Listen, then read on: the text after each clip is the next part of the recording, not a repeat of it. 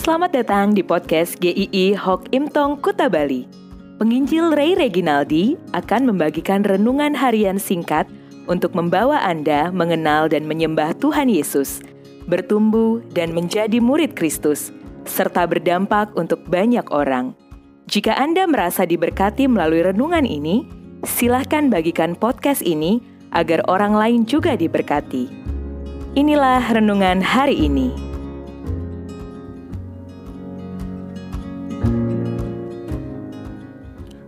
Pelajaran dari Philadelphia bagian 1.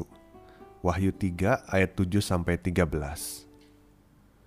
Satu kali seorang bapak memberitakan Injil kepada asisten rumah tangganya, yaitu seorang ibu yang bekerja di rumahnya untuk menghidupi kebutuhan keluarganya. Bapak ini memberitakan Injil dengan tulus tanpa embel-embel sebagai majikan tetapi karena hatinya rindu, ART ini percaya Tuhan Yesus. Setelah dijelaskan tentang Injil, akhirnya ibu ini mengatakan, "Ya, saya mau menerima Tuhan Yesus." Namun, beberapa waktu yang singkat, bapak ini bersama keluarganya harus pindah kota karena pekerjaan. Ketika di dalam perjalanan pindah itu, ART ini mengirimkan pesan singkat kepada bapak ini. Pak, saya sudah kembali ke kepercayaan saya yang lama. Maaf ya, Pak. Ada ketakutan di dalam hati ibu ini bahwa dia akan tertolak, diasingkan di lingkungan keluarganya. Hidupnya mungkin akan jadi sulit kalau dia menjadi orang percaya kepada Tuhan Yesus karena mengikuti Kristus bukanlah hal yang umum di tengah-tengah masyarakatnya. Penolakan sering kali menjadi satu hal yang menakutkan bagi orang-orang Kristen juga. Kalau hidup betul-betul di dalam Tuhan, penolakan juga dirasakan oleh jemaat Philadelphia. Sebagai orang percaya, mereka ditolak oleh orang-orang Yahudi mereka ditolak dari sinagoga-sinagoga Yahudi.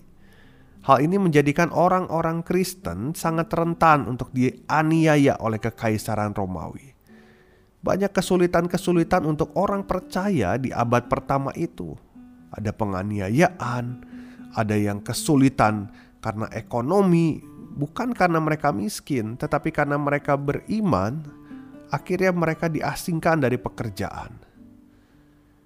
Mereka kalau mengejar kenyamanan, mereka harus meninggalkan iman percaya mereka. Jemaat Philadelphia sendiri dikatakan kekuatannya kecil, tidak seberapa. Tidak banyak orang yang berpengaruh juga di dalam jemaat Philadelphia. Gereja mereka masih muda, masih kecil. Namun di dalam kesulitan yang dihadapi, Tuhan menjamin beberapa hal yang pertama kita belajar di hari ini yaitu ada penerimaan dari Tuhan yang sangat-sangat meneduhkan.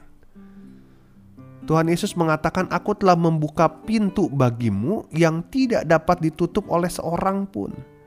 Ada yang menafsirkan bahwa Tuhan membuka pintu pekabaran Injil, tetapi ada juga yang mengatakan bahwa mereka punya jaminan keselamatan yang pasti pintu kerajaan sorga sudah dibuka bagi jemaat Philadelphia. Mereka adalah orang-orang percaya kepada Tuhan Yesus. Maka mereka pasti masuk dalam kekekalan bersama dengan Tuhan. Jadi sekalipun pintu-pintu sinagoga itu tertutup menolak mereka. Tetapi dalam kekekalan pintu kerajaan sorga tidak pernah tertutup untuk jemaat Philadelphia hidup sebagai orang yang menghidupi iman di dalam dunia ini tidak mudah. Penolakan kepada orang percaya di dalam dunia ini sangat mungkin terjadi, tetapi tidak pernah orang percaya itu ditolak oleh Tuhan. Ada orang-orang yang karena imannya harus diusir dari keluarganya, dikucilkan di lingkungan pekerjaannya, tetapi Tuhan berjanji sekalipun ditolak karena iman di dalam Tuhan Yesus. tetapi sudah pasti diterima oleh Tuhan. Tidak ada yang pernah bisa menutup pintu yang sudah Tuhan buka.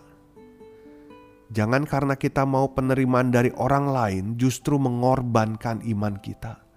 Maka orang percaya harus bergantung pada Tuhan Yesus saja yang memegang otoritas tertinggi dalam kehidupan saat ini dan yang akan datang. Besok kita akan lanjutkan perenungan tentang jemaat Philadelphia. Tuhan memberkati.